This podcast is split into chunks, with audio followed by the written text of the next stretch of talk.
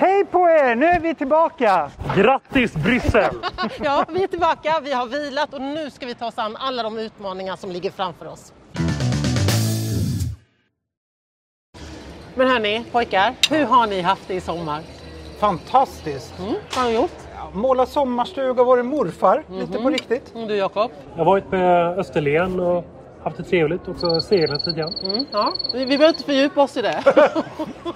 Ja, för nu är sommaren slut. Ja, nu är sommaren slut och det är visserligen intressant att höra men inte så intressant och inte alls intressant i jämförelse med allt som kommer hända här i parlamentet. Vad kommer hända i dina utskott? Vad har Det du fokus på? fantastiskt mycket. Alltså, eh, miljöutskottet givetvis jättefokus nu på det vi kallar för klimatlagen.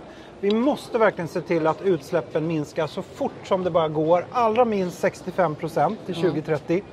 2030. Kommissionen har ju ett förslag lite luddigt runt 50 procent och det, det räcker inte. Nej. Och sen ser jag själv fram så jättemycket emot att verkligen på riktigt börja arbeta med det här tillfälliga utskottet kring eh, djurtransporter. Det Ja. som jag gjorde ett special 2022 om Ja. tidigare i somras. Bra, där kan du göra stor skillnad. Jajamän. Mm. Och du Jakob? Kommer handla mycket om hur vi bygger upp våra samhällen när det gäller transportsystemet efter corona. Vi investerar i järnvägen men också gör det lättare för människor att boka tågresor över nationsgränser. Tänk, det här har vi pratat om så länge och du har jobbat så hårt med det här så länge men Ja. nu händer det. Nu är det upploppet, Ja. nu avgörs det. Ja. Så det kommer jag kämpa med under hösten. Men också väldigt mycket med förnybar energi. Mm. För nu läggs kolgruvor ner över hela Europa tack vare de reformer som vi gröna gjort. Med reformer för utsläppshandeln. Men vi måste också bygga ut det förnybara så att människor får el.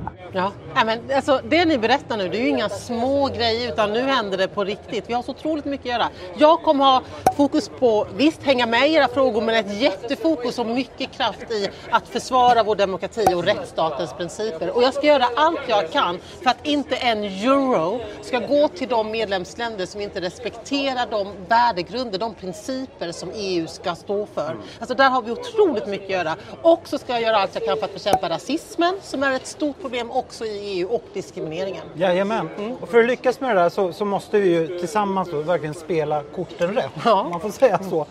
Och på tal om just spela korten rätt, det är ju precis det Miljöpartiet har lyckats med nu i regeringsställning hemma i Sverige. Det kom visserligen preliminär statistik men, men väldigt mycket tyder på att utsläppen i Sverige första kvartalet 2020 Ja. har minskat med så mycket som 8,1 procent. Inte coronarelaterat. Exakt! Utan det är grön politik. Precis, för BNP hann inte sjunka det här Nej. första kvartalet. Utan det är verkligen vår politik. Lite grann kanske beror på att det var en väldigt, väldigt mild vinter. Men i stora drag, det beror på vår politik, Ja. det vi har kämpat för. Det är ju helt otroligt. Äntligen. Ja, en... ja det kan man säga. Äntligen, äntligen. Ja, ja. ja men det tål att glädjas åt. Så det är så mycket som är på väg att hända nu som vi, vi måste jobba med. Och sen på hemmaplan också så har vi ju Mycket som händer på hemmaplan. Ja. språkrör. Nej, men det kommer hända så otroligt mycket den här hösten. Och jag vill att ni ska få del av det här och se allt som händer. Och därför ska ni Prenumerera! på 2022. Prenumerera. Gå in och gör det här. Är det någonstans här Torgny Jasmin? Här, Tryck här klicka någonstans. här. Så ni inte missar någonting. Ja, ha det så bra. Hej då! Hej hej! Prenumerera! Prenumerera!